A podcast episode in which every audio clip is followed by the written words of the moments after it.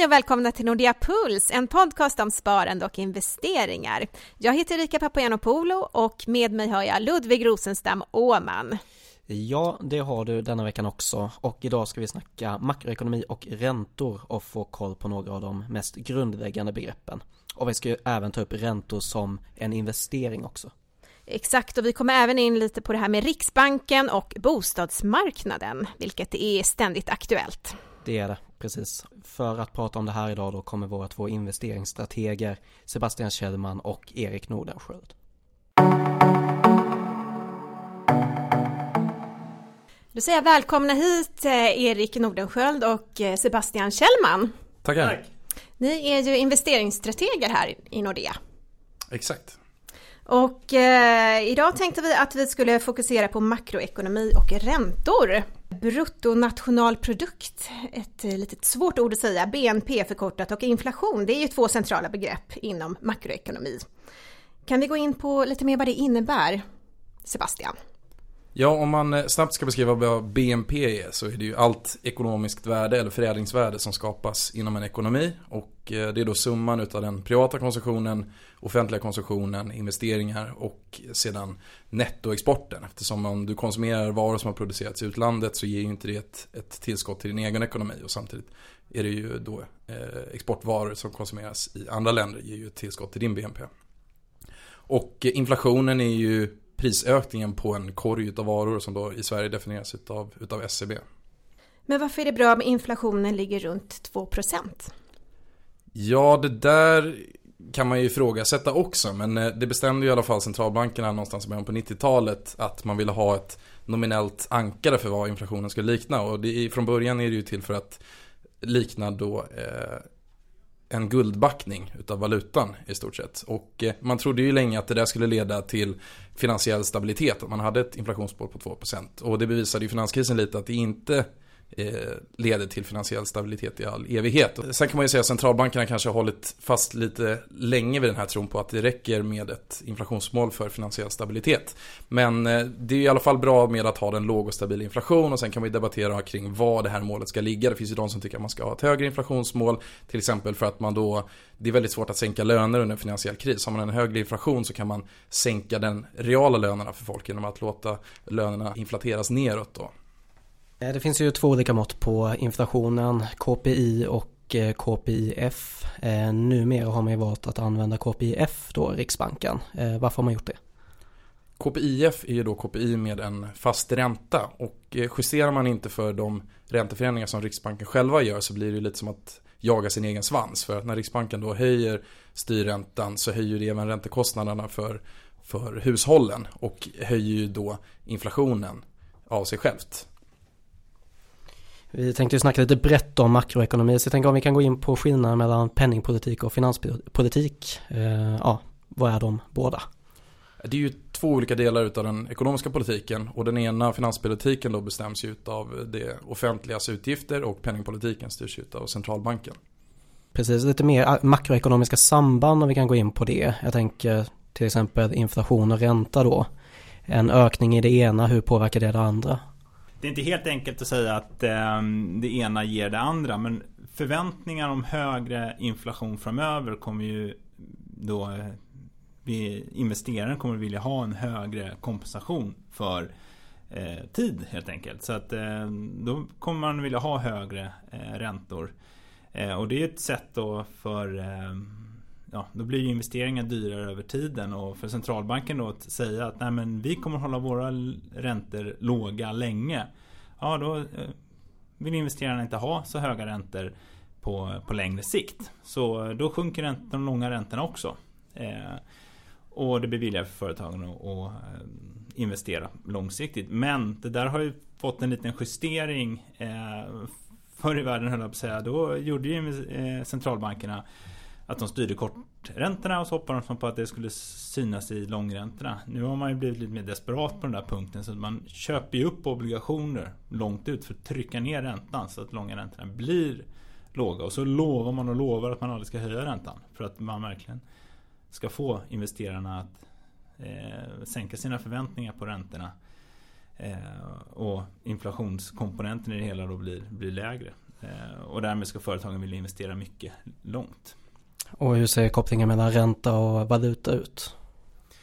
Ja, det är ju kortsiktigt så styrs penningmarknader, valutamarknaden väldigt mycket av eh, ränteskillnader. Så en, en, eh, en traditionell liksom, strategi det är att köpa högförräntade valutor och sälja lågförräntade valutor. Då tjänar man på eh, ränteskillnaden, så kallade carry trade. Och eh, dessutom om alla gör det då stiger de högförräntade valutorna i värde och så sjunker de lågförräntade valutorna i värde. Så då får man ju vinst i så att säga, valutabiten också. Så där är väl en, en, en, långsikt, eller en så kortsiktig strategi för, för till exempel en centralbank som den svenska. Att eh, trycka ner de korta räntorna så mycket man bara kan. För då kommer kronan att tappa i värde och då kommer de importerade delarna i eh, KPI-korgen att bli dyrare och så får vi inflation helt magiskt. Eh, och sen är ju problemet om när ECB gör samma sak i Europa. Så blir det någon sorts tävling mot botten i vem som kan underminera valutavärdet mest. Hur ser sambandet ut mellan reporäntan och bostadspriser? Ja, reporäntan är ju någon sorts eh, ankare för all bankinlåning och hela mm, lånemarknaden. Eh, och när Riksbanken sänker reporäntan, ja då blir bostadsobligationernas ränta också lägre för att det är en alternativinvestering som investerarna har. Eh, och får man inte så mycket av Riksbanken, ja då får man ju acceptera en lägre ränta på annat, andra investeringsmöjligheter. Och då trycks ju priset eller räntan på eh, bostadsfinansieringen ner.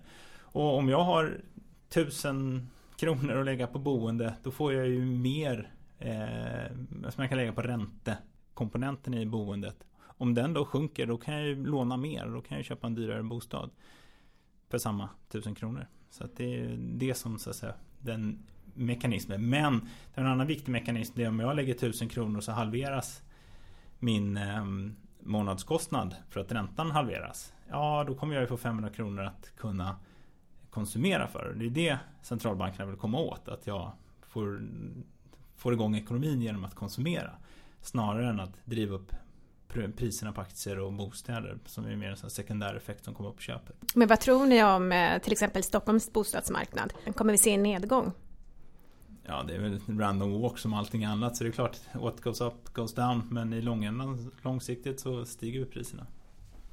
Man ser i alla fall de tecken i Sverige nu som föregår en bostadskrasch. Nämligen att man har höga investeringar i byggande vilket driver på BNP-tillväxten då och i samband med stigande och höga priser. Och det såg man ju inte i Sverige precis innan finanskrisen men det är något man såg i till exempel södra Europa. Och eh, det finns ju också en viss missfördelning vilken typ av bostäder som byggs nu och vilken typ av grupp som har styrt den eh, starka befolkningsökning eller befolkningstillväxt som vi har sett de senaste fem åren. Eh, så därmed skulle man kunna få en press på de innerstads och centrala lägenheter som ju produceras väldigt dyrt men det kanske inte finns den stora köpstarka population som man hoppas på. Och det kan man även se på de bostadsutvecklare som är noterade på Stockholmsbörsen nu. Att de har lite svårare att sälja sina bostäder.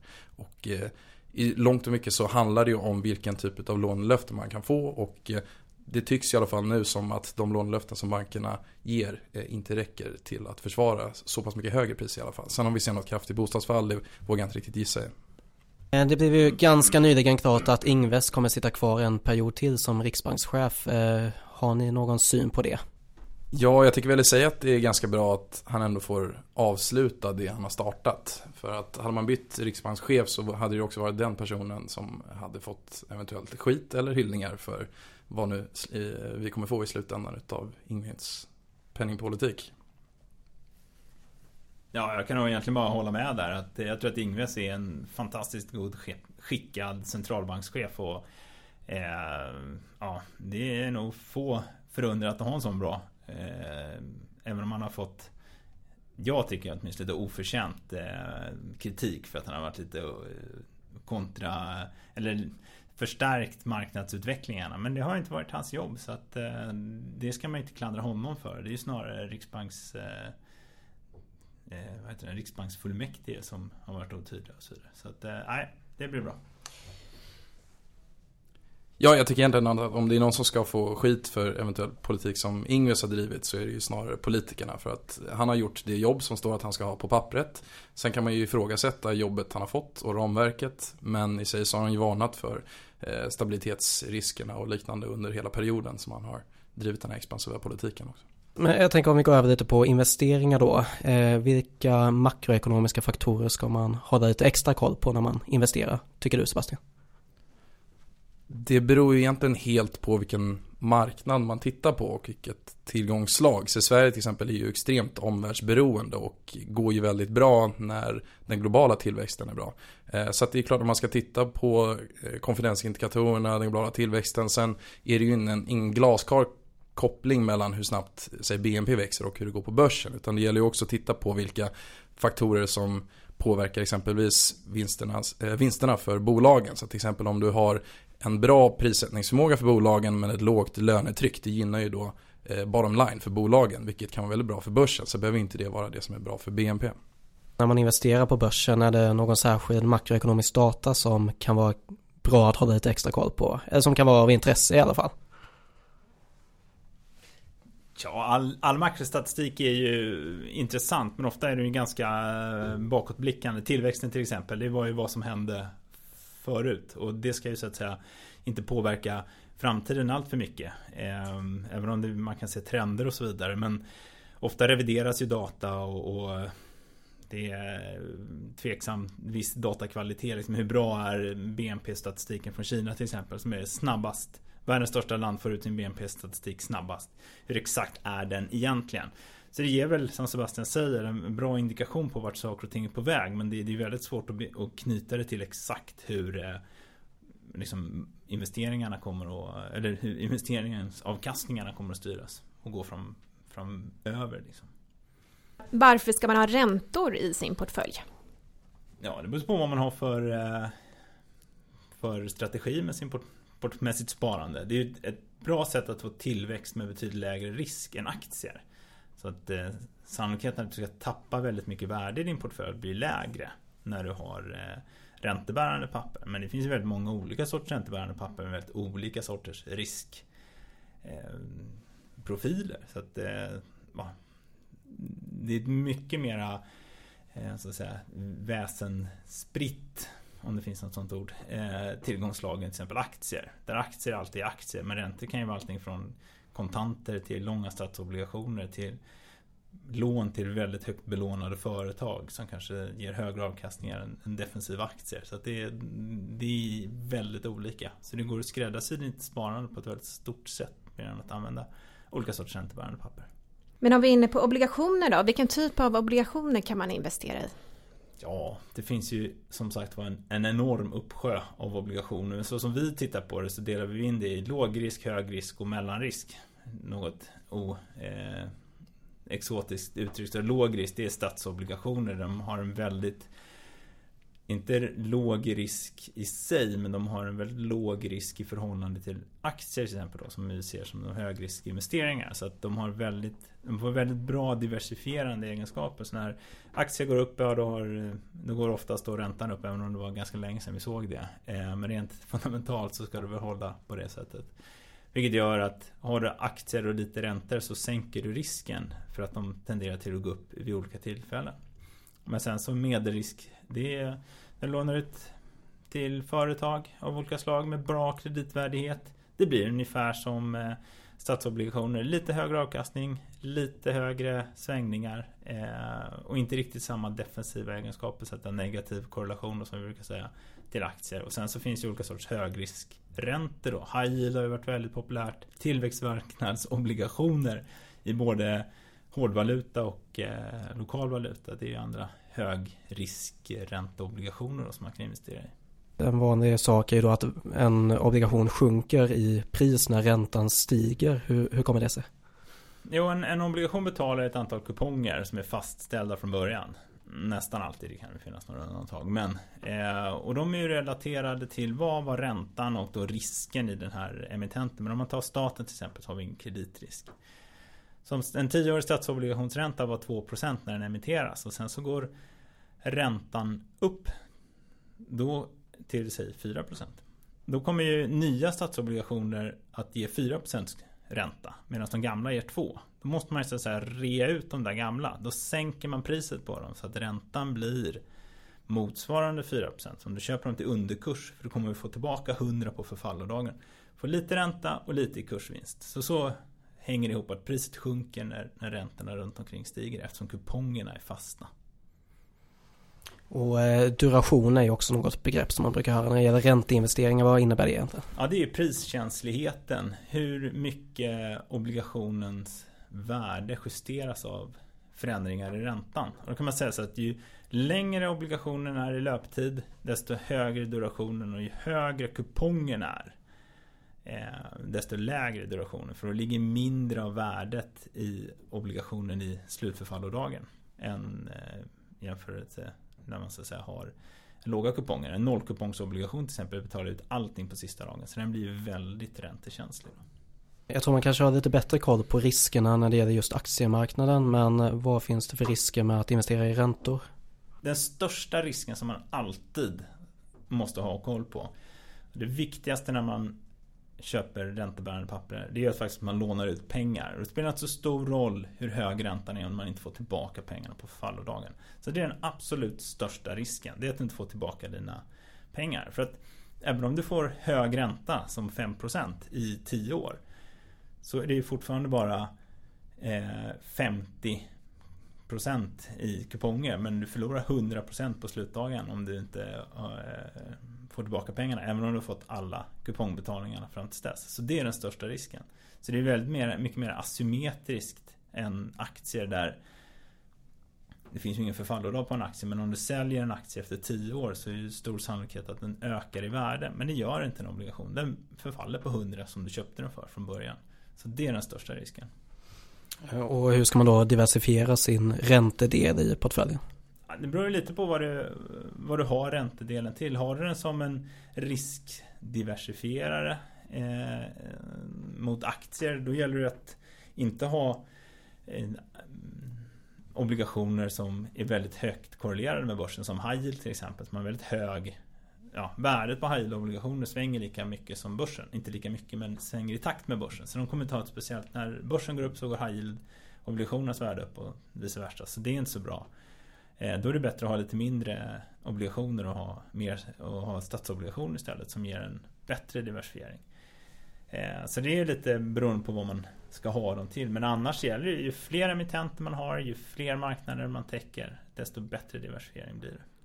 Men tänk om man är en vanlig småsparare och vill komma igång med att investera i obligationer. Hur gör man då?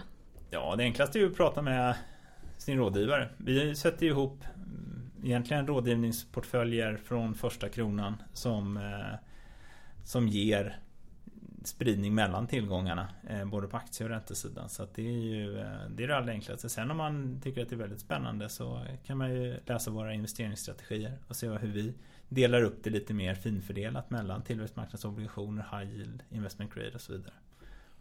Så det är det enklaste. Ja, men om vi skulle ta och sammanfatta dagens avsnitt i tre punkter. Vad säger du Sebastian?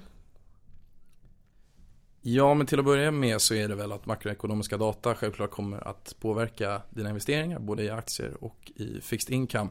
Men samtidigt så är det väldigt svårt att säga vilka variabler specifikt som kommer att påverka sparandet. Och som sagt så varierar det mellan vilken typ av marknad du investerar på också. Med att vissa länder är väldigt exportberoende, eller vissa marknader är väldigt exportberoende, vilka typ av bolag som är noterade. Och i hur cykliska eller defensiva de är.